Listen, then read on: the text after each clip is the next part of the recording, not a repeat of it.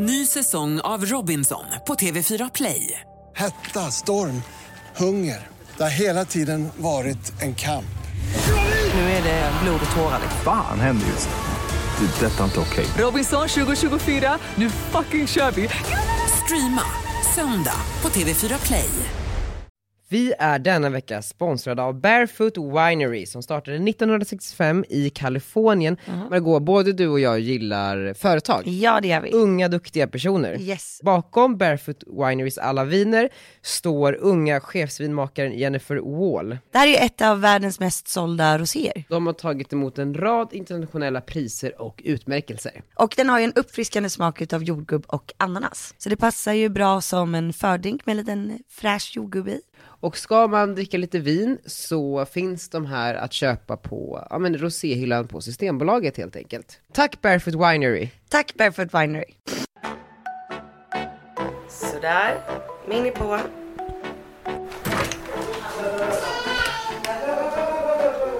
Hur går det här ute? Hur går det? Badar du iskallt Arnold? Tjenare Maggan! Ja men tjena, jag måste bara dra ner fläkten här. Vänta. Ja, du har köpt en ny fläkt. Grattis! Den ser väldigt eh, fin ut. Ja men alltså det går inte att leva utan fläkt i Stockholm just nu. Alltså, ska du på semester? Jo men jag ska försöka, alltså jag kommer ju uppdatera överallt så det blir inte helt semester och jag kommer Åh, oh, vad bra. Vi får ingen semester från Margot i alla fall.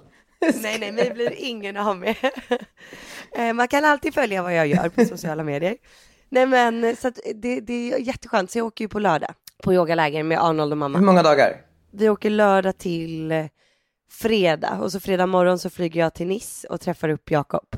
Och då flyger mamma och Arnold hem. Just det, för då börjar din krökresa. Ja precis, då är det fest i fem dagar. Åh, är så jävla pepp. Ja. Och du ska med eller? Nej men så här, jag är ju i Lissabon nu och eh, har liksom, jag har det så jävla nice. Det är så jävla lugnt och jag bara sover. Jag hade ångest idag för att jag skulle behöva gå upp vid klockan åtta portugisisk tid. Eh, vilket känns så här, det känns ju så främmande att på vardagarna i Sverige ha ångest för att gå upp klockan åtta. Då får man ju ångest snarare för att det är för sent. Um, men nu så här, jag, jag, jag, jag känner lite att jag har gått in i hur det är att vara utbränd. Alltså förstår du vad jag menar? Jag fasar inför varje jobbuppgift jag ska göra. För varje mail jag ska svara på. Ah. För varje podd jag ska spela in. För att jag är så jävla, du vet, så här, semestrig. Ja, du är inte där. Nej, jag, jag vet typ inte hur man jobbar längre. Men det där är så intressant. Jag var och pratade med en kille igår som sa att, för jag bara, ja men jag får energi av att göra saker. Och han säger att det är precis så det är. Att när du väl slutar göra saker så får du inte energi av det. Så det är liksom som ett hjul som snurrar runt. Och när hjulet bromsar upp, då tappar, liksom, då tappar du energin. Och då hittar du inte motivationen. Det blir lite som en ond, ond cirkel. Alltså så kan jag tänka mig. Ja, exakt. Så att du har ju hamnat där i den stillastående cirkeln. Där allting är jobbigt. Vi har fått ett mail. Berätta. Kajsa Vidén har mejlat in och skrivit. Först och främst vill jag säga att jag älskar er podd.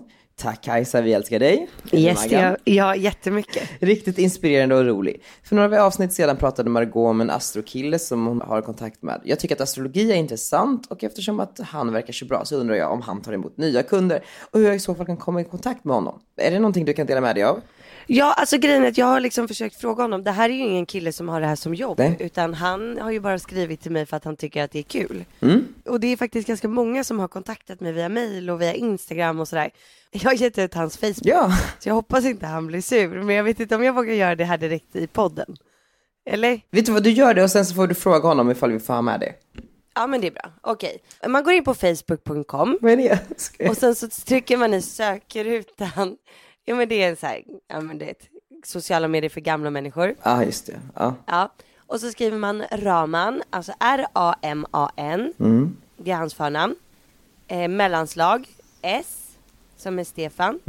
Punkt, nytt ord, B-A-N-W-A-I-T. Och hur talar man det? Raman S. Banvait, tror jag. Perfekt. Ja. Och där hittar ni honom. Och så får ni skicka ett inbox och hoppas på att han svarar. Just det. Jag tror att han kommer svara. Bra. Men, du, det, men det var egentligen inte det jag skulle komma för Kajsa skriver också så här. Jag studerar även marknadsföring och strävar mot att i framtiden jobba inom PR-branschen. Därför undrar jag om ni i någon podd framöver eller via mail kan dela med er av era bästa tips och vilka egenskaper som krävs för att lyckas inom branschen. Och det här är ju då riktat mot oss båda eftersom att det här är ett som kom till veckans Gunilla. Ja. Eh, och jag har gjort för första gången en sån här på Insta där man får ställa frågor. Du vet, en sån här ställ frågor till er. Ja. Och jag har man fått så det? mycket frågor om liksom, vad sa du? Hur trött är man på det? Nej, jag är så, jag, jag tycker det är så intressant. Varför vill jag lära känna, känna människor på nytt? Ja, det sjuka är att jag blir så trött när jag säger så här, ställ en fråga, men sen så sitter jag ändå och kollar på alla svaren. Det är sjukt ju. Det är så jävla härligt.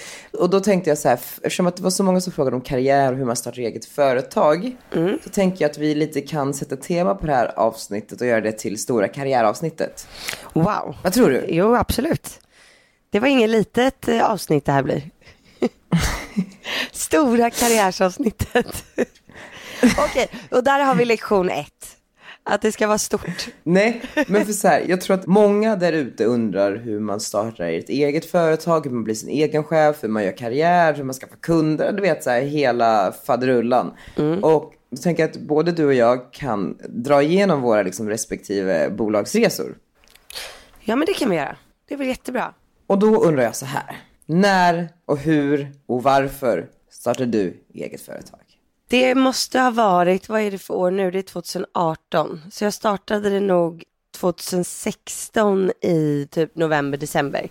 Och det var ju där när jag ja, började göra samarbeten och kände att ja, men det är mycket mer rimligt att göra om, ja, men göra ett, en enskild firma så att jag ska kunna fakturera och ta betalt ordentligt. Då, då startade du en enskild firma. Ja, då startar jag en egen, en enskild firma och det gör man ju när man, ja men det kan ju vara bra om man inte riktigt vet hur mycket man ska omsätta och ja men vad planen är riktigt. Det är en bra start, tycker jag i alla fall. För min del var det ju verkligen det. Ja men precis, alltså samma sak här. När jag började göra lite side business utanför mitt jobb, vilket kunde vara, ja men typ så här, eh, skriva en bok eller eh, podda och sådana där. Och det är pengar då man ska fakturera. De kommer inte ut som lön utan de kommer, man skickar en faktura och så får man in dem på, på ett företag. Man kan söka sig till hur man gör på Skatteverkets eh, hemsida om man inte är helt ute och cyklar nu. Ja men exakt, och det kostar ju inte som ett aktiebolag kostar. Nej, precis. Det är typ kostnadsfritt. För skillnaden mellan aktiebolag är ju att ett aktiebolag är ju, det kostar ju 50 000 kronor att starta upp. Man behöver 50 000 i kapital. Vilket är kanske lite eh, risky investering ifall man inte vet, som du säger, hur mycket man kommer att omsätta och fakturera till sitt bolag. Ja och för mig var det ju att eftersom att jag hade ett, ett, eh, heltidsjobb liksom som jag satsade på så var ju det här bara, ja men vid sidan av. Precis. Same here. Men ändå så här, lite spännande och kul. Ja! Ett väldigt bra första steg tycker jag. Ja, alltså verkligen. Nej men och sen då så gick det ju några månader och jag, eh, men gud är det bara ett och ett halvt år sedan? Ja det stämmer. Det stämmer verkligen. Vadå? Ja men nej men och, eh, nej men då blev jag ju mammaledig. Arnold kom. Jag började jobba ännu mer sen med mina egna kanaler. Hade du sagt upp dig här liksom? Ja men jag sa upp mig där typ en månad efter att Arnold kom. Alltså då kände jag att nej men nu är det dags, nu vill jag verkligen satsa. Just det. Eh, Youtube-kanalen började liksom få snurr ordentligt. Och jag tyckte det var sjukt roligt. Alltså jag tror att jag hela tiden saknade någonting när det bara var bloggen och Instagram. Alltså jag saknade, det var någonting annat som jag ville ha och det var ju det rörliga. Just det. Och det var när jag hittade det ordentligt som jag kände att nej men det här vill jag verkligen göra på heltid liksom. Men när du sa upp det var liksom lite risky, alltså hade du tillräckligt med eh, cash? Grejen är att det, det är så sjukt för att det, man, jag hade ju fått höra att man inte har så mycket pengar då under mammaledigheten, vilket man inte har. Eh, så att jag sparade extremt mycket pengar under graviditeten. Ah. Jag gjorde ju typ ingenting. Alltså jag jobbade och när jag kom hem så jobbade jag lite till. Jag var knappt ute och käkade middagar, jag var så trött på kvällarna. Eh, man dricker ju ingen alkohol, vilket också gör det mycket billigare. Eh, jag var hos mamma i typ en månad i Sydafrika. Och då bodde man ju gratis och Men vänta, det här alltså, var, maten kostar ju ingenting. men det här var när du hade lön, alltså när du var anställd, så sparade du liksom din lön varje månad? Ja, ja exakt. Så att, alltså jag gjorde av med boendekostnader men inte mycket mer. Alltså jag åt mycket hemma, ja men du vet gjorde lunchlådor. Alltså inte för att jag tänkte att nu måste jag verkligen spara men jag hade ju det i baktanken. Så jag hade liksom, ja, men jag hade sparat ihop ganska mycket pengar så att jag visste i alla fall att jag skulle kunna klara mig ett halvår utan att ens behöva ta ut mammapenning.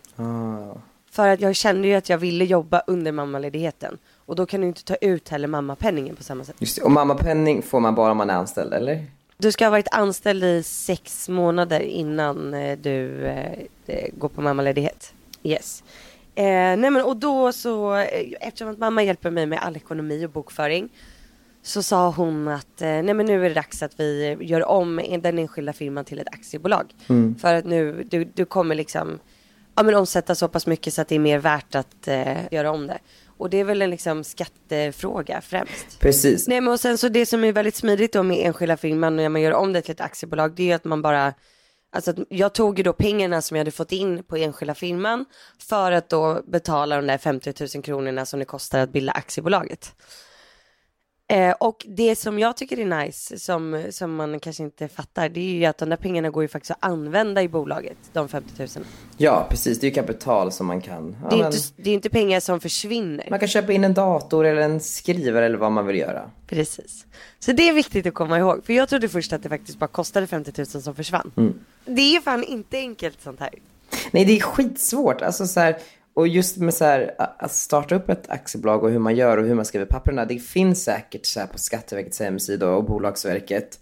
Men jag kunde inte heller det. Alltså, jag, jag, jag ville inte göra det eftersom att då, jag suger på allt som har med admin att göra. För att vara liksom helt ärlig. Men då, gick jag, då hade jag ju en revisor för enskilda firman, eh, läsa redovisningsföretag. Och eh, gick till dem och frågade om de kunde göra det här till ett, eh, ett aktiebolag, eller mitt första AB. Och eh, det kunde ju de, så de fixade ju det på nolltid. Så, och det kan man göra, och det var, liksom, kostade mig några, någon tusenlapp liksom. Och det var en värd investering kände jag. Ja men det är en värdeinvestering. Alltså för mig då också som är väldigt dålig på det här med siffror och ekonomi så är det ju väldigt praktiskt att ha någon som hjälper till. Ja, 100% och det är viktigt. Det är jätteviktigt. Så, Alltså det är typ det bästa tipset jag har ifall att man ska starta bolag men inte liksom är intresserad av att lära sig sånt här. Så är det att ta hjälp. För att det är superkomplicerat och det är inte bra om det blir fel. Nej, nej, nej, nej. Och så, och så saker kan ju komma, ja, din egen historia kan ju komma och söka upp dig i framtiden. Hur så här, Skatteverket går in och granskar och håller på. Och om du inte har allting på det torra så kan du ju liksom, ja men inte vet jag, saker kan hända. Exakt. Men nej men så nu har jag då haft aktiebolag i typ ett år. Snart. Mm, ja, kul. Jag tror att det är ett år. Ja, det är faktiskt jättekul. Det känns ju så häftigt att säga Margot Ditz AB. Ja, jag vet. Men har du liksom så gjort det, har du en budget för bolaget? Så här, det här är utgifterna, det här är inkomsterna, det här är eh, Ja. mina mål när det kommer till omsättning och vinst och allt vad det är. Ja men det har jag. Självklart. Någonting du vill dela med dig av? Vi kan ta det i nästa avsnitt så kan jag liksom ha det mer konkret. Eh, Men det är klart Ja. att jag har koll på mina, på, alltså mina kostnader. Jag har ju två härliga tjejer som fakturerar varje månad. Ja. Och det är klart att jag har mål med så här, ja, men hur mycket jag vill att bolaget ska omsätta. Just det. Men har du liksom... Men typ- Eller har du... Förra året så var jag ju som sagt mammaledig halvåret. Så att det hade ju varit kul att dubbla liksom. Mm, ja. Alltså så kan man också så börja tävla om så priser som så här DI-gasellen. Snabbast växande bolag och sådana där tävlingar. Det är ju jävligt kul. Jaha, vad- berätta lite om det i gasellen. Ja men DI-gasellen, alltså nu vet jag inte exakt hur reglerna är men det är någonting med att eh, omsättningen måste liksom öka med visst antal procent varje år. Eh, Antalet anställda måste överstiga ett, eh, en siffra om x antal personer. Jada jada. Och sen så är det ju massor av så här eh, framåt progressiva företag som tävlar varje år om att eh, ja, men få en sån här gasell. Och där vill man ju vara liksom. Men Ja, verkligen. men- och det finns massor av sådana entreprenörstävlingar. Men, ja, men nu är jag inne här Mm, och det ser att. Holy Greens har vunnit gasellsprånget. Nej, har de? Ja, ja, det går skitbra för Det dem. är jävligt kul att vara entreprenör fan. Ja, vad härligt. Daniel, den här veckan har vi ju tjatat till oss ett till samarbete med Klarna. Fan alltså Klarna, de kommer vara med oss ett bra tag nu känner jag. Ja, jag tror att det är for life. Vi kan alltid hoppas. Ja, det kan vi göra. Men du, det är du som ska berätta om dina bästa New York-tips den här veckan. Precis. Vi har ju konceptet Summer Smooth här några veckor framöver där vi tipsar er om de smoothaste sättet att ta sig fram i sommaren. Och denna vecka har det blivit dags för mig att tipsa om hur man bäst upplever New York. Det allra smoothaste New York. Är det under sommaren då eller alltid? Det här är kanske framförallt under sommaren, men jag, jag skulle säga att eh, de här tipsen är tidlösa också. Oh. Ehm, och då har jag ett eh, första tips som är om man ska ta middag så ska man gå till Lucien. För där är alla sjukt snygga, det är sjukt bra stämning, det är litet och mysigt och det är pasta och det är vin. Så gå dit på middag. Sen så ska man bo på Bowery Hotel om man har möjlighet eftersom att det är, alltså, det är mitt bästa hotell. För att här, personalen är så här personlig, vilket är en fördel. Det finns själ och världens bästa frukost. Och badkaren. Det är det smoothaste utsikten i hela New York. Man kan liksom ligga och bada, dricka vin och kolla på New York skyline. Ja, det är ingen som har missat eh, de bilderna på din Instagram. det ser faktiskt magiskt ut. Jag vet, jag vet, jag vet. Eh, sen så vill jag tipsa om nattklubben Socialista. Den är ganska osmooth att komma in på eftersom att den är svår. Eh, men lyckas du hassla så gå dit. Och sen så tycker jag att du ska träna på Dog Pound som är ett riktigt så här, eh, ja men det är mycket kul, spännande personer som tränar där. Så googla upp det. Och sen så tycker jag att du ska äta lunch på, det här är sjukt svårt att uttala, men Sant Ambrose. Det stavas A-M-B-R-O-U-E-S. Finns lite på typ så tre, fyra ställen i New York och är väldigt så här härligt italienskt, eh, bra kändisspotting. Men alla de här tipsen behöver du liksom inte anteckna eftersom att du hittar dem i Klarnas app. Där jag och Maggan då eh, delar med oss av våra bästa tips några veckor framöver. Alltså det är kul för jag har inte varit på ett enda av de ställena som du tipsar om nu. Har du inte? Nej, så man blir lite New York-sugen. Du har ju aldrig varit i New York. Ja, jag visste. Vi får ta, vi får ta nästa eh, kontorsresa dit helt enkelt. Ja, det gör vi. Fan vad fett. Så ladda ner Klarnas app och eh, titta på allt så här nice content som de gör där.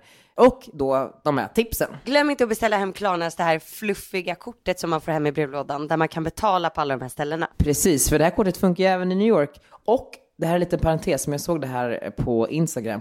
De har ju också köpt så här tunnelbanereklam i New York. Åh jäklar. Så Klarna rullar i Subwayen i New York. Det är så jävla ballt. Nu händer det. Vi får ta nästa där. Nästa sponsorspelning i New York. Klarna bjuder. Tack Klarna. Tack Klarna. Men då får du berätta lite om din resa. Jag jobbade ju på Perfect Day och var PR-chef och hade en stabil inkomst och det var ju jättebra i två och ett halvt år. Men samtidigt så hade jag ju min parallella karriär som inkluderade min intervjupodd Tankar med. Jag skrev ju den här boken, Vem fan är han?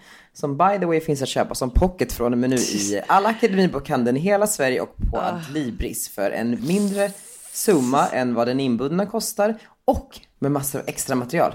Alltså livet efter Perfect Day typ. Va? På riktigt? Alltså bara, alltså, jag, jag har skrivit liksom till, ja men extra material, några extra kapitel, eh, några fler tack till.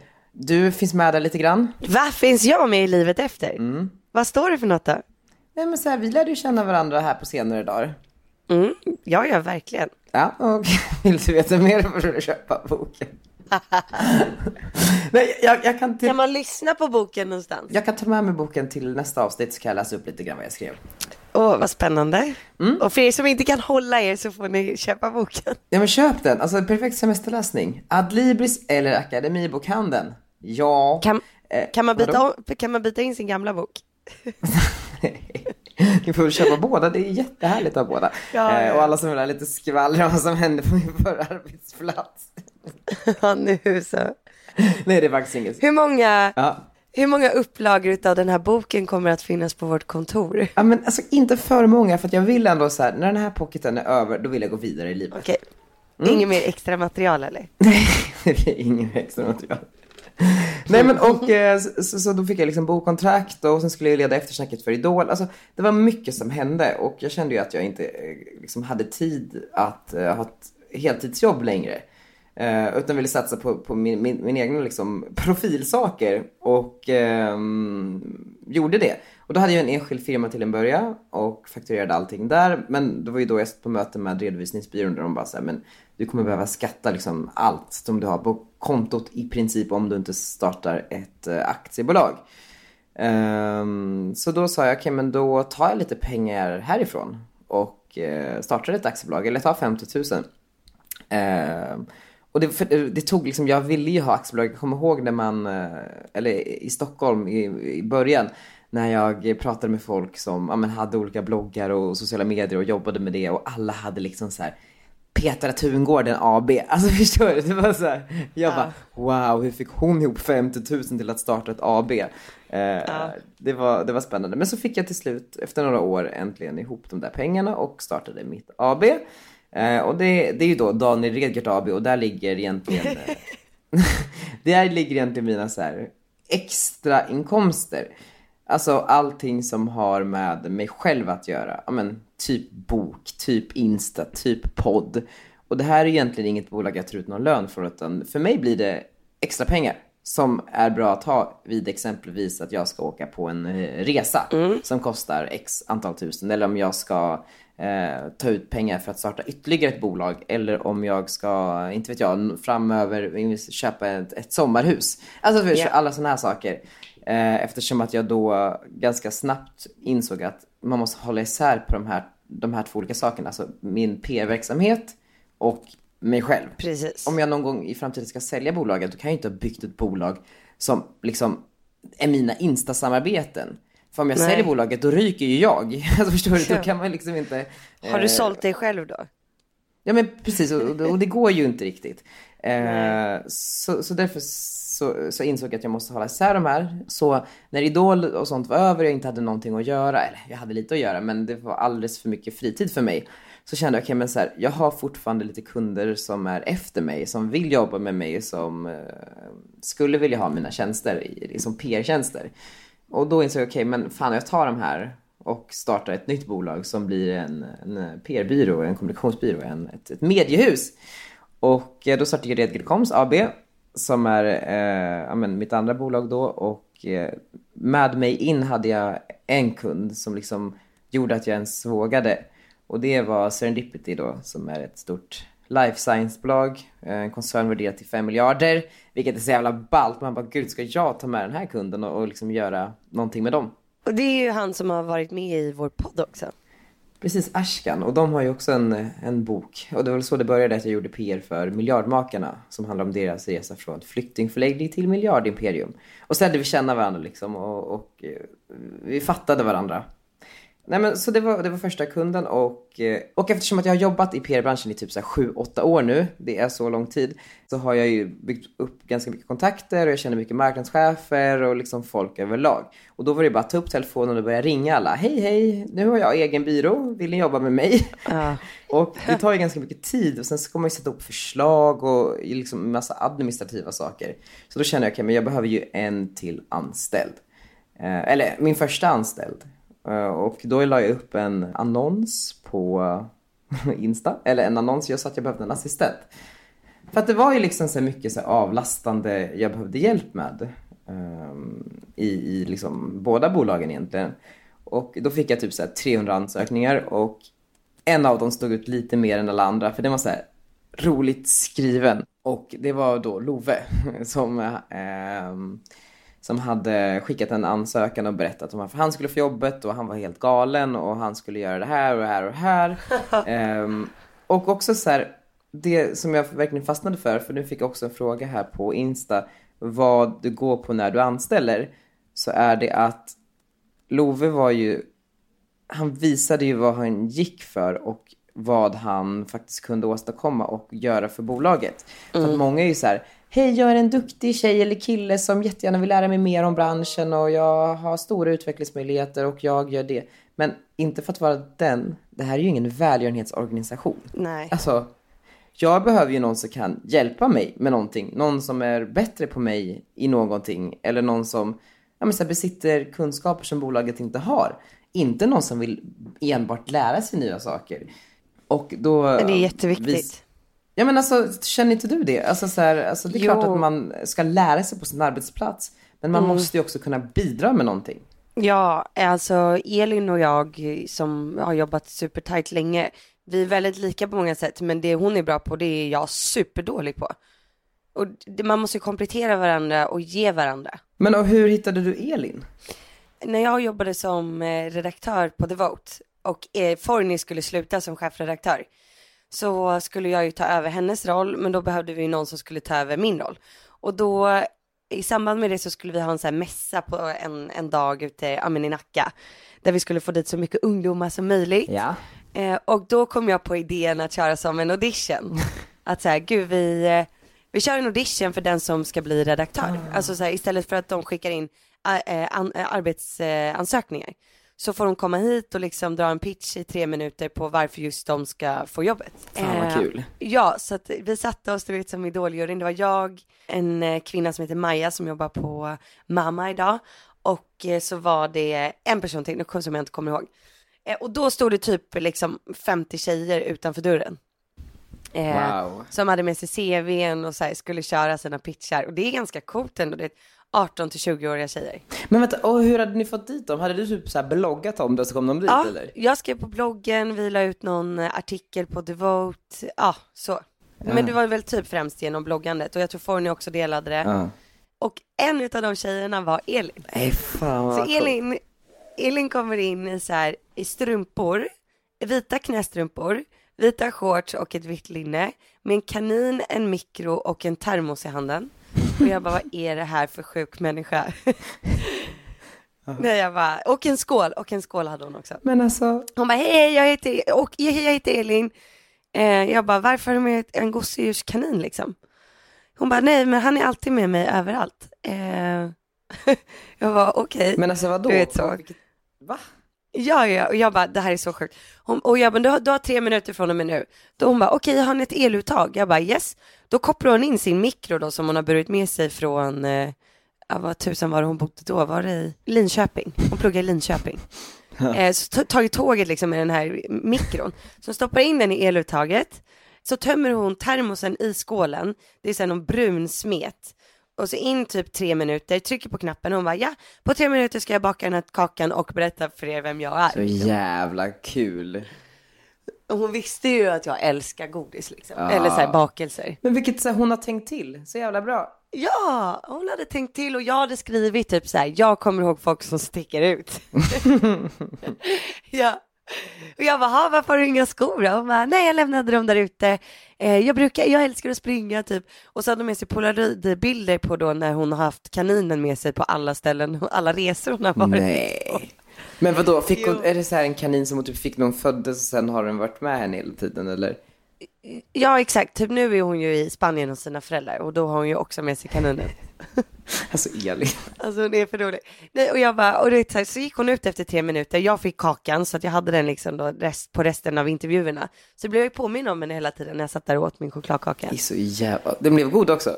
Ja, ja, ja, den blev jättegod. Eh, smakade kladdkaka liksom. Det var som mugcake eller vad det heter. Och sen så då efteråt, jag bara, gud kan vi inte bara anställa henne? Och de andra bara, nej det kan vi inte Margot. Jag bara, nej okej typ. Ja, men då var ju, jag hade ju fixat så att det var mitt gamla jobb, du vet eventbolaget, som jobbade som eventpersonal under det här stora mässeventet.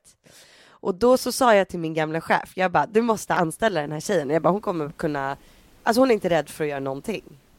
Ta in henne så kan hon typ sälja dammsugare på Bauhaus eller eh, sälja telefoner på Telia. Jag bara, eller typ dela ut ost på Ica. Jag bara, hon kommer kunna klara allt liksom. Ja. Så han, eh, hon fick komma på intervju hos honom och så började hon jobba där. Nej, fan vad kul. Så på ditt gamla Ja. jobb alltså? Ja, exakt på mitt gamla jobb. Hon har verkligen gått i dina Eh, fotspår. Ja, Elin ja, underbart. Och sen så fortsatte vi hålla lite kontakt för hon hade ju en blogg på Devote och hon kommenterade ofta på min blogg. Mm, mm, mm, mm. Eh, och typ jag pushade henne ibland tror jag på startsidan och sen så sökte vi en praktikant och hon hade fan inte gett upp då heller. och så kom hon in igen och bara, ah, men kan jag få praktik liksom? Och då så, så fixade jag så att hon fick en praktikplats. Gud, alltså jag blir nästan så här gråtfärdig. Det här är så jävla fint. Du vet att hon inte har gett upp hoppet. Jo, jag fick ju tjata in henne för att de andra var, de bara, hon har ingen, hon kan inte skriva, du vet, vi behöver inte en sån här person. Jag bara, men nu är hon gratis liksom. Nu ska hon ha praktik. Nu tar vi in henne.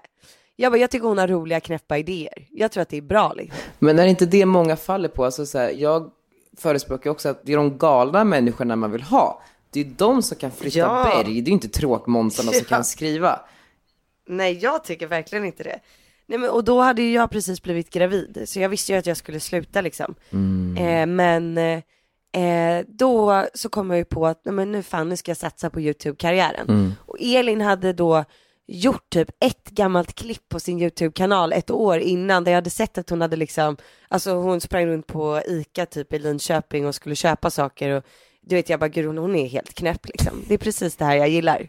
Ja men alltså hon, jag bara, hon är lika knäpp som jag är. Om det är någon annan än jag själv som ska redigera Ja. så, så är det den här tjejen. Och då frågade jag henne, jag bara, skulle du kunna tänka dig att redigera en film i veckan under din praktik? Eh, Du får självklart betalt av mig, liksom. Och då gör du det för min enskilda firma. Och då så sa hon ja. Och då så sa jag, okej, men eh, då ses vi hemma hos mig 4 november och så testar vi att spela in en film och så får du två veckor på dig att klippa den. Och hon satt och tragglade med den där filmen, alltså typ i en och en halv vecka tror jag. Och det var, du vet, hon var nybörjare, jag var nybörjare, ingen av oss hade någonsin jobbat med YouTube. Vilken jävla resa.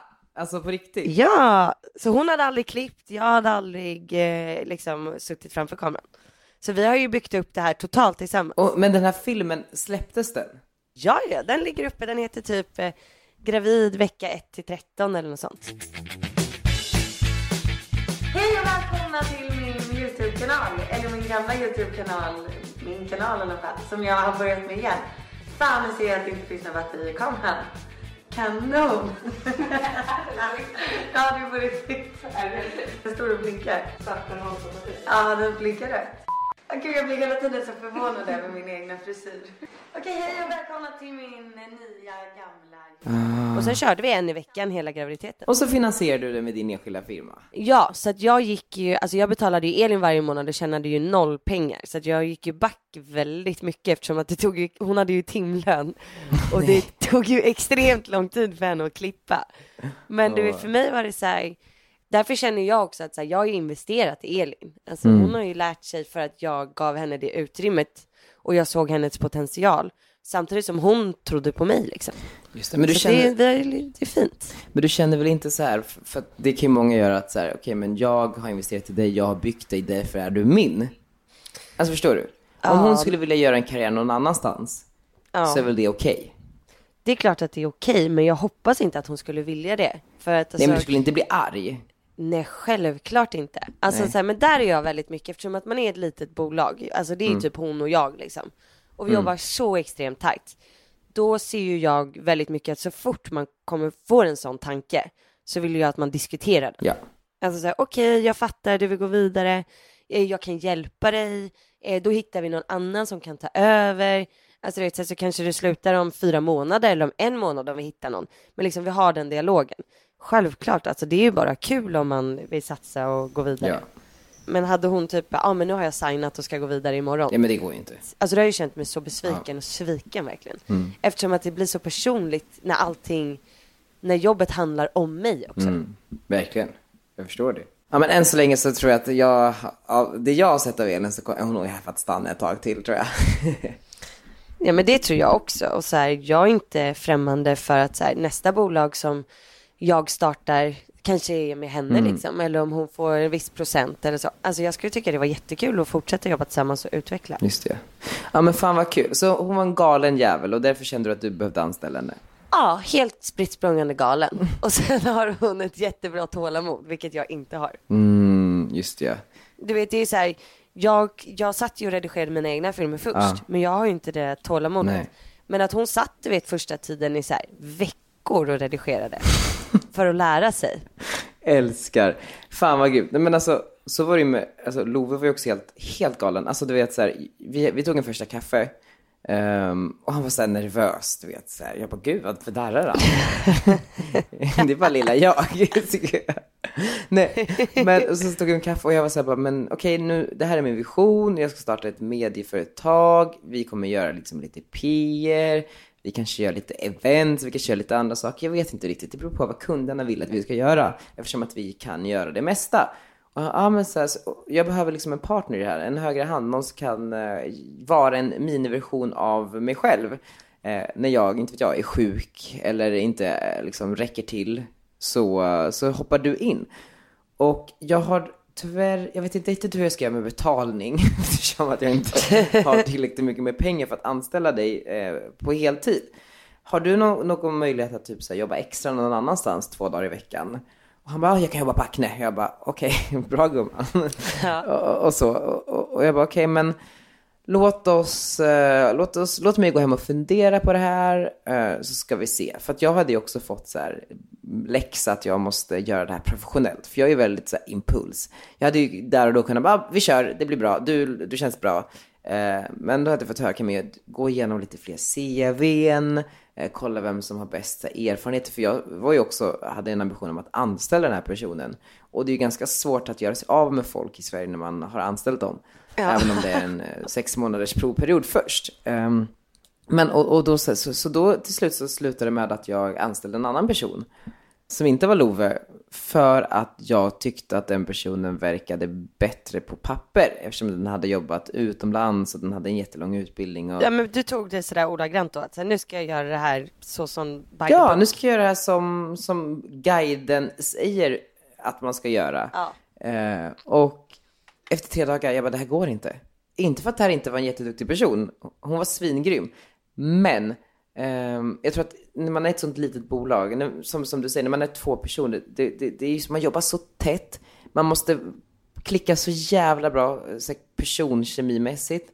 Man måste vara liksom, om jag är spritt språngande galen så måste den andra personen också vara spritt språngande galen. För annars kommer ju, det, det uppstår ju friktion annars. Ehm, så efter tre dagar så var jag tvungen att eh, säga tack och adjö. Det kändes bra, hon tog det bra, vi tog en promenad och så här, hon var svinduktig, men jag tror att hon skulle vara på en mer så här fyrkantig arbetsplats. Inte för att hon är fyrkantig, utan bara för att så här, jag är för galen, helt enkelt. Ja, jag fattar. Eh, men det kändes bra, hon tog det bra. Och hon fattade själv. Eh, nej men så åt jag tillbaks till, så gick jag tillbaks till Love och jag hade ju nämnt till honom så här lite förbifart, när jag skulle behöva hjälp med att göra presentationer på engelska. Och så här, jag tycker att Isabella Löwengrip är ball typ. Alltså du vet sådana där saker.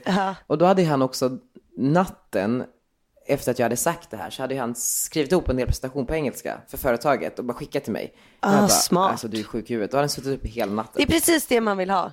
Någon som visar Ja. liksom att man tänker själv. Ja. Alltså utan att du ens hade sagt det. Nej men jag vet. Och sen så möte nummer två, då skulle, bara, ska du följa med och träna? Jag tog med honom på Urban Ride. Och eh, han hade tydligen feber fick jag veta i efterhand. Men han tänkte inte tacka nej för han var ingen pussy. Ehm, så då körde vi Urban Ride. Nej men Love, jag älskar Love. Den vi älskar också Love. Eh, och sen så dagen efter så, eh, så, så hade han också gjort, han har gått jättetidigt till sitt förra jobb och skrivit ut massa bilder på typ Isabella Löwengrip och du vet så här, en moodboard för hur han tänkte sig eh, vårt företag. Och eh, satt upp på hela väggen och gjort så här pins och dragit eh, så här streck mellan och så här, som att han har gjort en plan och kartlagt. Har liksom gjort här, på morgonen, på, alltså gått upp typ astidigt. Och det här var Eh, samtidigt också- som du hade anställt någon annan. det här var första grejen, alltså med engelska presentationen hände efter första mötet jag hade med honom. Och sen så hade vi en paus i och med att eh, den andra kom in. Sjukt att du ändå tog den andra Ja tjejen. men jag vet, men jag, jag, magkänslan sa ändå att jag skulle gått för Love från början. Eh, och sen så hade vi ett till möte efter och då gjorde han hela den här Isabella-grejen. Och sen bara så okej men du måste, alltså det, det är du och jag nu. Eh, så anställde jag honom och då hade jag fått in typ så här två kunder. Så jag hade lite pengar eh, att ge honom en lön och liksom anställa honom på heltid. Underbart. Vilket var så jävla ballt. Och sen, för det fanns ju ingenting. Vi hade ingen hemsida, vi hade typ inget namn. Bolaget var inte riktigt registrerat än. Det var liksom, allt det behövde göras och jag kunde inte göra det själv. Så då gjorde jag och Love det. Liksom vi, vi skaffade en, en designbyrå som heter Planeta Design. Som, som, vi hade massor av möten hur vår grafiska profil skulle se ut. Eh, hur eh, hemsidan skulle designas. Och det här var ju så här jättespännande och jättesjukt. Att jag satt så här, bara hade ett möte om hur min grafiska profil skulle se ut. Eh, och det tror jag är jätteviktigt också ifall man ska ha ett bolag att man har så här, en snygg hemsida typ. Ja. För att det är ju liksom, det är ju fönstret utåt. Eh, och jag har varit på så många företag som har så här dåliga hemsidor, dålig grafisk profil, dålig liksom så här. Varför investerar man inte de pengarna på det? Det är ju liksom A och O. Så jag tog ju liksom, jag tror att vi hade, vi, vi hade tjänat in ehm, 120 000 på ett event som vi hade hållit. Alltså hela den pengen gick ju direkt ut igen till liksom den grafiska profilen. För jag kände så här, okej jag har inga pengar men fan jag tar det, jag har och, eh, och satsar lite. Um, ja men så, så det var skitkul. Och sen så gjorde vi själva lanseringen och då var det så här press release och så gick vi ut till så här media och så gjorde jag lite intervjuer och började berätta om visionen och helt plötsligt bara så här, fuck jag har ett bolag nu, nu måste jag liksom leverera, nu kommer jag bli granskad. Du vet så här, när Dagens Opinion ringer och bara, hallå, vi har sett att du har startat ett bolag, vad vill du med det? Du vet så här. Men det är ju verkligen så här fake it until you make it. Man, man börjar ju någon ände och så ser man vart det, vart det hamnar. Det var ju som med dig och Elin, Ja. ni visste ju inte riktigt vart det skulle gå. Nej, men och jag litade ändå på min magkänsla att så här, det är värt att betala Elin pengar varje månad för att se vart det här landar. Ja. Liksom. Alltså så jävla spännande. Och det, men det sjuka med allting för oss, det var ju att det, det skedde så successivt. Alltså förstår du att så här, okej, vi hade då, vi började i november och då hade vi november, december, januari, februari, mars och sen så då april, exakt sex månader senare så sa det ju liksom pang för då kom ju Arnold. Ja. Eh, och då var det liksom dags att, att redigera förlossningen. Alltså du vet, hade, hade vi börjat lite senare, då hade ju inte alls den redigeringen blivit lika bra. Nej. Jag hade inte heller vetat hur jag skulle filma för, på bästa sätt. Och du vet, vi hade ju typ inte gjort något samarbete än. Alltså du vet, allting hände väldigt, väldigt bra med tiden. För att hade YouTube-kanalen blivit gigantisk från början, då hade ju inte vi kunnat hålla, alltså hänga med. Just det, så ni hade liksom sex månaders prövoperiod någonstans där ni testade Ja, på både exakt. varandra och också liksom yrket. Ja, eller det blev nästan typ två månader efter förlossningen också, för jag tog en paus sen i typ tre veckor. Just det, Ehm, så det, välbehövlig det var väldigt bra. bebispaus. En bebispaus ja. Och sen så tog det typ bara så här fyra månader och sen hade jag liksom alltså tjänat in det som jag hade lagt ut för Elin. Eller sex månader eller något sånt. Okej, Margot, vi är denna vecka sponsrade av Kry. Ja, jag är så taggad. Ja, och så, vi vet ju alla vad Kry är nu, eller det känns som att alla vet vad Kry är. Och det är ju tjänsten där du kan träffa en legitimerad läkare eller psykolog face to face direkt i din mobiltelefon. Och jag måste säga att jag använde Kry senast här för eh, två dagar sedan i Portugal eftersom att jag ramlade på en sten i vattnet eh, när jag badade och fick ett stort sår. Och eh, eftersom att man inte vet hur man gör när man är utomlands, alltså så här, vart ligger närmsta sjukhus eller vem pratar man med? Så ringde jag till eh, Kry som gav mig råd och tips för hur jag skulle plåstra om det. Så himla bra. Jag gjorde ju samma sak nu fast jag kollade ett födelsemärke. Om det var liksom farligt. Ja, så smidigt. Och jag fick en remiss då för att kunna ta bort det, för det behöver du ju också. Så att jätte, jättesmidigt. Allting hemifrån. Något jag skulle vilja lyfta lite extra idag är det här med psykolog. Och jag vill betona hur viktigt det är att gå och prata med någon ifall man känner att man lider av psykisk ohälsa eller har ett behov. Och det här borde man göra redan i förebyggande syfte. Så känner du till exempel att du lider av ångest, oro, sömnsvårigheter, depression eller nedstämdhet, stress, kris, sorg, så vill jag rekommendera att du tar kontakt med en psykolog via Kry. Det är varken pinsamt eller finns någon skam i det, utan det är livsviktigt. Hos Kry kan du få hjälp med KBT och därmed råd och stöd för hur du ska hantera din situation bättre. Alla är fan värda att må bra. Och vet du vad? Jag har ju, nu när jag är i Portugal så har jag lite tid över. Så jag har faktiskt tagit två eh, psykologsessioner här från Portugal. Och hur känns det nu då? Det känns som att jag har hittat ett sätt att eh, kontinuerligt gå till psykologen så att man inte också slarvar och missar några veckor. Du kan alltså träffa en psykolog eller läkare hos Kry mellan 06 och 24 alla dagar i veckan. Du måste vara minst 18 år för att träffa psykolog. Och är man mellan 18 och 19 så är det helt kostnadsfritt. Oj. För alla över 19 så kostar det bara 250 kronor per gång. Så ladda ner appen i App Store eller på Google Play. Det är grymt ju. Kan man träffa samma psykolog varje gång då? Japp. Ja, det är ju fantastiskt. Och Margot, det är ju inte pinsamt att gå och prata med någon, eller hur? Nej, nej, nej, nej, nej, nej. Alltså jag tycker att alla ska göra det. Ja, bra. Ja. Tack Kry. Tack Kry! Men när, när kände du liksom så här, wow, nu är det ett riktigt företag, nu rullar det, nu, nu tjänar vi pengar. När, när kände ni det? Nej men det var nog när jag började komma ut ur bebisbubblan och så här, jag bytte bloggportal. Jag låg ju fortfarande kvar på Devote fram tills eh, juli där någon gång. Och det kändes inte riktigt eh, på riktigt förrän jag flyttade därifrån. Eftersom att det var så himla infekterat med att så här, det var mitt gamla jobb. Och så här, bloggen låg där. Alltså, det kändes inte seriöst liksom.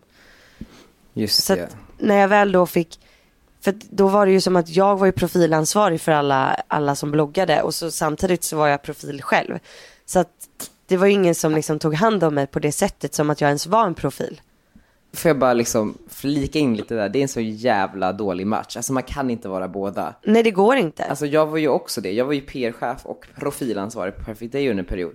Samtidigt som jag själv liksom var jättestolt över att jag hade en podd och du vet alla de här grejerna.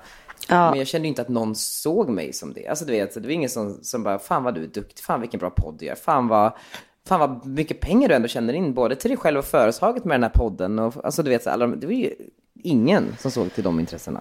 Nej, och så här, för min del så var det ju också så här, okej nu har vi ett samarbete med den här kunden, det här är pengen som du har för alla bloggare, sprid ut det. Och så var det så här, okej pengarna räcker inte, då var det ju min ersättning som fick gå liksom. Ja. Och så var det så här, men nu får du ställa upp för företaget och göra det här liksom utan att du får betalt. Och det var ju liksom då du vet så här, typ höggravid. Och bara, ska jag ställa upp för företaget och inte få en ersättning för att ni har tagit för dåligt betalt liksom? Eller lovat kunden för mycket? Nej, fy, nej, nej, Ja. alltså nej. Jag blir så Nej. jävla arg för det här, det här, det här är så jävla, nej. Ja men det var ju så jag kände och då var jag ändå så här, absolut den största profilen där. Eh, så att det var ju det som gjorde att jag sa upp mig liksom direkt efter eh, Arnold kom. För jag kände att det här är ju inte seriöst. Alltså jag har en ersättning för min blogg som är för någon som eh, typ knappt bloggar. Alltså förstår du? Jag tjänade Nej. ingenting på bloggen. Och då hade jag ändå så här 35 000 unika besökare. Det är ju många. Ja, det är jättemånga. Och då flyttade du över din blogg till, Ja, men då var jag på möten med nästan, ja men typ alla olika bloggportaler som Mm. finns. Och så bestämde jag mig för, alltså hela min magkänsla sa att eh, Aller var riktigt bra liksom. Koll på läget. och det var L på direkten. Nej, utan eh, då skulle jag gå över för att flytta till Chic. Som var deras, som de hade en tidning och också en sajt då med några få utvalda bloggare. Och eh, ja, men det kändes bra liksom. Jag, för mig var det bara så här, gud jag vill, jag vill iväg från Devote. Jag bestämde mig ganska tidigt då att så här, jag vill inte bli en mamma-bloggare. Just det. Så jag vill inte gå till en sida där det fanns bara mammor för att jag vill inte hamna i det facket. Nej. Utan för mig har det varit så himla viktigt att säga, absolut jag är mamma och jag bloggar om Arnold och jag uppdaterar om Arnold. Men jag vill ha mig själv som utgångspunkt hela tiden. Och då så blev det chic. Precis, då blev det chic. För jag känner, ja, men jag gillar ju ändå kläder och jag gillar väl lite en chic mamma kände jag. och så, så precis då så flyttar jag över och en och en halv vecka senare så tar jag ett möte då med Ida och eh, ja, men, digitala chefen på Aller. Och de bara, ja, nu har vi lite dåliga nyheter, men lite bra nyheter. och jag bara, vad händer nu? De bara, Chic ska lägga ner. och jag bara, nej, jag bara, det här är inte sant liksom. Och så bloggare vill man ju Men- vara seriös och inte byta portal hela tiden. Precis, man tänker ju så här, gud ska hon byta portal igen? Liksom, det kan man ju inte göra. Och jag hade ju sagt till mig själv att lova att så här, okej, men om jag väl ska gå vidare, då startar jag bara en egen istället i så fall. Efteråt. Men då så sa ju de att, ja men Sia vill supergärna att du ska flytta bloggen till L. Och jag bara, är det här ett skämt eller? Det är tungt. Jag bara, vet Sia ens, vet Sia ens vem jag är? Och Sia är ju då chefredaktör för L Sverige. Ja. Alltså hon är ju super, Hon är vi har ju skitcool. pratat om henne förut. Hon är supercool. Alltså man kan ju bara tänka sig, det är så här, alla chefredaktörer för L i världen vet vem hon är. Jag vet. Alltså hon har jobbat på L i typ så här 20 år. Hon är ju typ L. Alltså en institution. Jag visste vem hon var när jag bodde i Västerås. För att förr i tiden så var ju L-galan tv-sänd. Och då kommer jag alltid ihåg den här balla kvinnan som hade så här pilotbrillor på scen. Ja, precis. Ja, ja, ja. Och hon känns ju lite som en snäll version utav Meryl Streep i Djävulen bär Prada. 100 procent. Eller hur? Mm, ja, ja, ja, ja. Powerful. Eh, nej men så när de sa det, jag bara, nej men det här kan inte vara sant. Alltså det, nu skojar de. Så de, och då så sa jag så här, ja men jag ska tänka på det. För jag tänkte först att nej men de kan ju inte mena det här på riktigt liksom. Alltså förstår du? Skoja! Ja nej men jag kände lite så. Så jag sa, jag bara, jag får tänka på det här ett tag. För de frågade sig, vill du gå till BAM eller vill du gå till typ. Ja. Wow. Och jag bara, ja. Nej, och då gick jag hem och liksom ventilerade lite med mig själv och bara, vad är det som händer? Mm. Alltså varför vill de ha mig på L? Och då, sen då när jag fick liksom svart på vitt att jo men hon vill verkligen ha dig på L och du passar visst där och sådär. Då känner jag att nej men nu, nu håller jag på att bredda mig på ett nytt sätt och Youtube-kanalen har fått snurr, jag börjar få samarbeten där. Nu, ja men du vet Arnold börjar bli lite äldre. lite äldre, fyra månader. Nej men fem månader. Jo men det är en stor skillnad på att ha en nyfödd Ja, ja, ja, ja. så här, du vet, mer bekväm med mammarollen, alltså mer det. Mm. Jag visste att jag skulle vara på omslaget på eh, mamma, jag visste att jag skulle få priset på mammagalan. Alltså det, jag kände men nu börjar det liksom få, få snurr ordentligt. Ja. Jag tog in Elin på heltid istället för bara på liksom eh, timmar. Mm. Och då kände jag att nu är det, nu kör vi. Fan vad fett. Så det var lite i samband med så här bloggflytten. Det var egentligen i samband med många saker, men det var lite där i tiden som du kände att du liksom funkade på riktigt. Ja, Men Ja, Vilket- och fick ordning på YouTube-kanalen. Mm. Alltså så här, jag typ, jag gick till United Screens och fick ett eh, så här, ja men, vanligt avtal. Jag bara, "Ha, ska man ha avtal på YouTube också? Alltså vet, hade ju noll koll Men du är inte på dem nu, du är på Splay nu. Nu är jag på Splay. Nu är du på Splay. Yes, jag flyttade från United Screens. Men det här är så jävla kul. Alltså det är så jävla kul.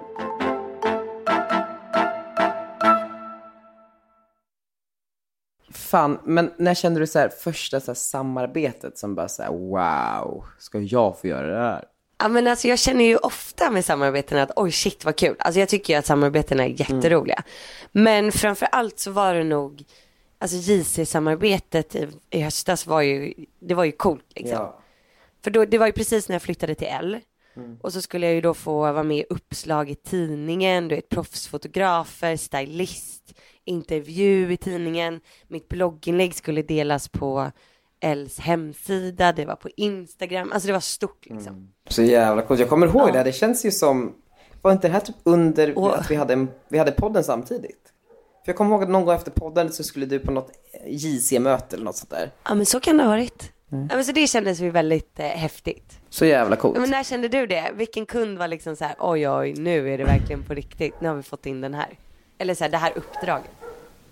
Nej men många kunder känner jag väl så med hela tiden eftersom att det blir ju bara bättre och bättre. Men alltså senast här i, eh, vad var det, några veckor sedan, eller två, tre veckor sedan. Eh, vi jobbar jättemycket med Klarna i den här podden. Ja. Eh, och nu ska vi också göra PR för Klarna i ett litet projekt här i höst, vilket känns bara så här wow, alltså Klarna är verkligen, det är ju en prestigekund, det är ju skitballt. Ja, ja, ja. Så det kände jag. Men jag kände väl framförallt att så här, när jag och Lova hade hållit på ett tag och, och fått in liksom kunder och, och eh, ja, men så här, börjat få ett fungerande företag, vi hade båda kontorsplats, så insåg jag så här, okay, men nu rullar det. Men om, alltså antingen kan jag bara säga, låta det vara så här. Jag plockar ut ganska mycket lön varje månad, jag liksom sparar mycket pengar. Det är liksom, det är vi två, jag har inte så stora kostnader. Det är väl liksom Love och kontorsplatsen. Eller så bygger jag nu ett, liksom, ett riktigt företag med många anställda, ett stort kontor, vi kanske exponerar utomlands. Det kommer vara mer risky och det kommer kosta mycket mer pengar och jag kommer inte bli liksom lika rik på kuppen. Eftersom att jag kommer ha så stora omkostnader hela tiden. Men, men eventuellt i framtiden så kommer jag kunna sälja bolaget eller en del av det eller så kanske det blir en del av ett stort byrånätverk eller någonting. Men så insåg jag, men det är det jag vill göra. Så då tog jag upp så här telefonboken igen och började bläddra, okej men jag behöver en till. Jag behöver någon som är så här kreativare än alla andra, någon som är liksom, ja men du vet så här, en branschstjärna, någon som är, eh, som folk förutspår att bli liksom det nästa stora namnet i media i Sverige, i PR.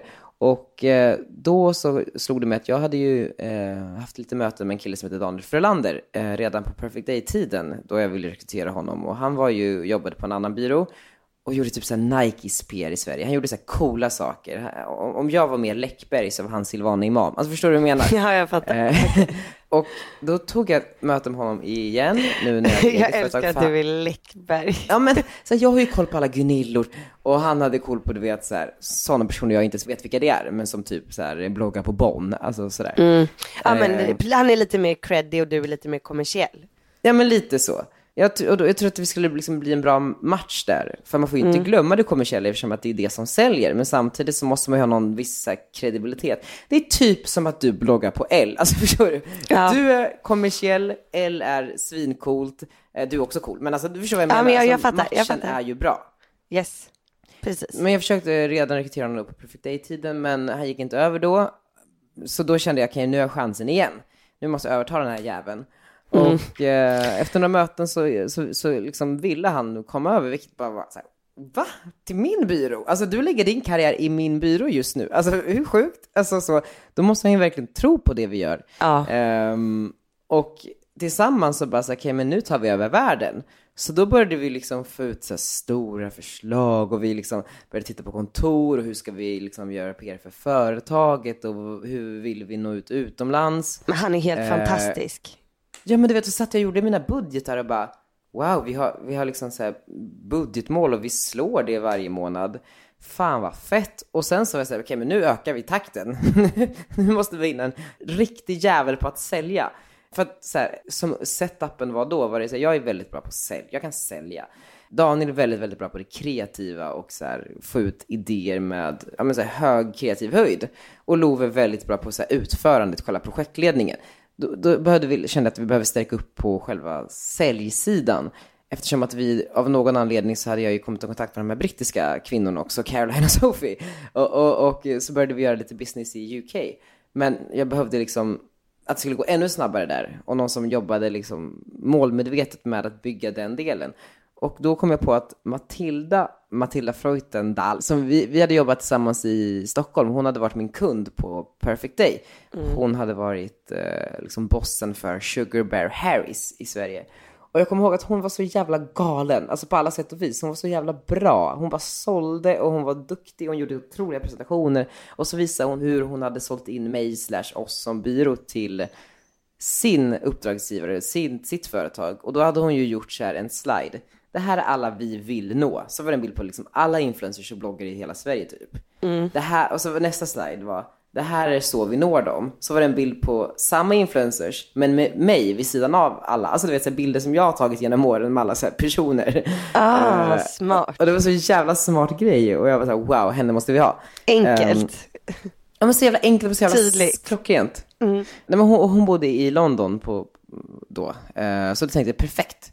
Och sen så då eh, inledde jag lite samtal med henne. Hon var inte superintresserad först för att hon liksom ville gå en annan väg. Eh, hon blev allt eftersom liksom mer intresserad och sen till slut så bara så här, eh, vi kör. Så nu så, eh, hon blev liksom den tredje anställda och det rullar på som fan i UK. Och nu är jag så här, okej, men nu måste jag ha en till anställd. Så nu letar jag vidare och jag har lite bra möten på G. Eh, någon som kan utveckla företaget ännu mer och vi kan börja titta på USA också, hur, hur vi ska liksom göra där. Eh, och nu när vi har ett nytt kontor, så jävla jag vet, det är kul. så nice. Alltså det är så nice verkligen. Och för alla som har missat det, jag och Margot ska då dela kontor, eller våra respektive företag. Ja. Men du har ju Annika också. Jag har Annika också. Annika är ju nyaste, senaste tillskottet. Hon började ju lite som min stylist i våras, eller så här, om jag skulle gå på någon gala Älskar att så... du har stylist. Nej, stylist. Nej men om jag skulle gå på en gala så istället för att jag springer runt på stan och letar kläder med Arnold, Ja. eh, vilket jag tycker är ganska tråkigt att göra, utan jag vill hellre vara med honom hemma och leka. Mm. Eh, så tog jag in henne som så här, smakråd egentligen. Sen så hon kunde springa runt på PR-byråer och hämta typ tio olika förslag som jag sen fick testa. Och sen så fick jag låna någon av outfitsen som hon hade satt ihop och som jag sen då använde. Och så vi funkade väldigt bra ihop. Hon var duktig, snabb, du vet, förstod mig hur jag ville liksom ha det. Så, och då kände jag att när hon väl sen sökte jobbet som projektledare att hon absolut skulle få ja, men, eh, ett försök att testa på ifall att det funkade. Och nu har vi ju kört i typ en månad, något sånt. Och det är fortfarande jättemycket under uppstart och, och sådär. Men det går framåt och det går jättebra. Hon funkar jättebra med mig och Elin. Så Fan vad kul. kul. Fan vad kul. Ja. Jag kanske lånar eh, Annika för lite styling sen senare. Ja, men det är bra. Vi kan ju ändå låna varandras anställda lite grann kanske. De gillar men ju såklart varandra. vi liksom. kan. De gillar ju att Ja. vara med. eh, Vi har ju jobbat tillsammans i projekt liksom, alltså våra respektive företag. Ja, men verkligen. Kry har vi ju kört tillsammans. Jag gjorde ett samarbete med som ni hade sålt in. Mm. Jättekul. Ja, Men sen är det kul med Matilda att hon är från Saltis, där jag också är ifrån. Ja, ni saltis-tjejer. Kan ni sitta och Ja, dricka men rosé om dagarna? Eller vad man nu än gör i saltis. Ja, exakt. Det är precis det vi alltid Nej men det är skitkul, det, det, är säger ju någonting om smarta saltis. tjejer som eh, det- kommer från Saltis. Ni är ambitiösa, men det är också så här, jag tror att många också från Saltis och från alla lite så här bättre områden i Stockholm har väl också växt upp med så ambitiösa föräldrar i många fall. Ja, jag Alltså, tror det. Att man får det liksom i bröstmjölken typ. Att nu ska ni göra bra presentationer här. nej men så, nej men fattar tänka utanför boxen. Och, ja, jag fattar vad du menar.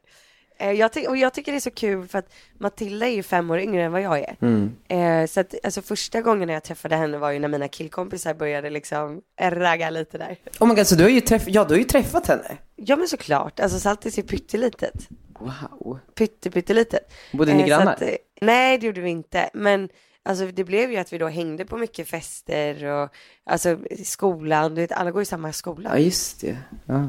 Jag och Matilda är ju extremt söt också så det var ju väldigt många killar som var väldigt intresserade av henne.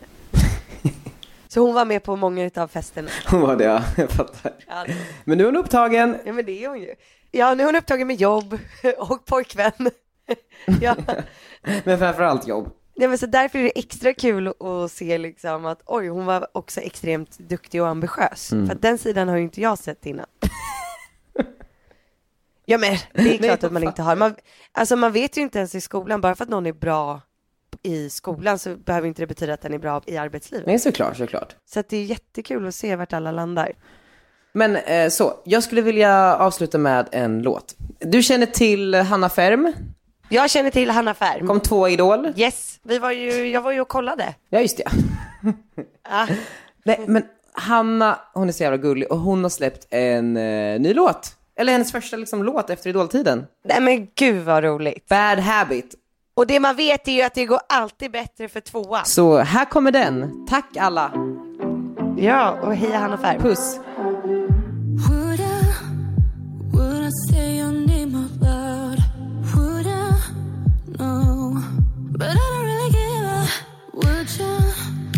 Would you make my mama proud? Would you? No, but I don't really give a. Damn what they say, make my mistakes. Oh. Oh my God, this is good. Too bad that you're a bad, bad, bad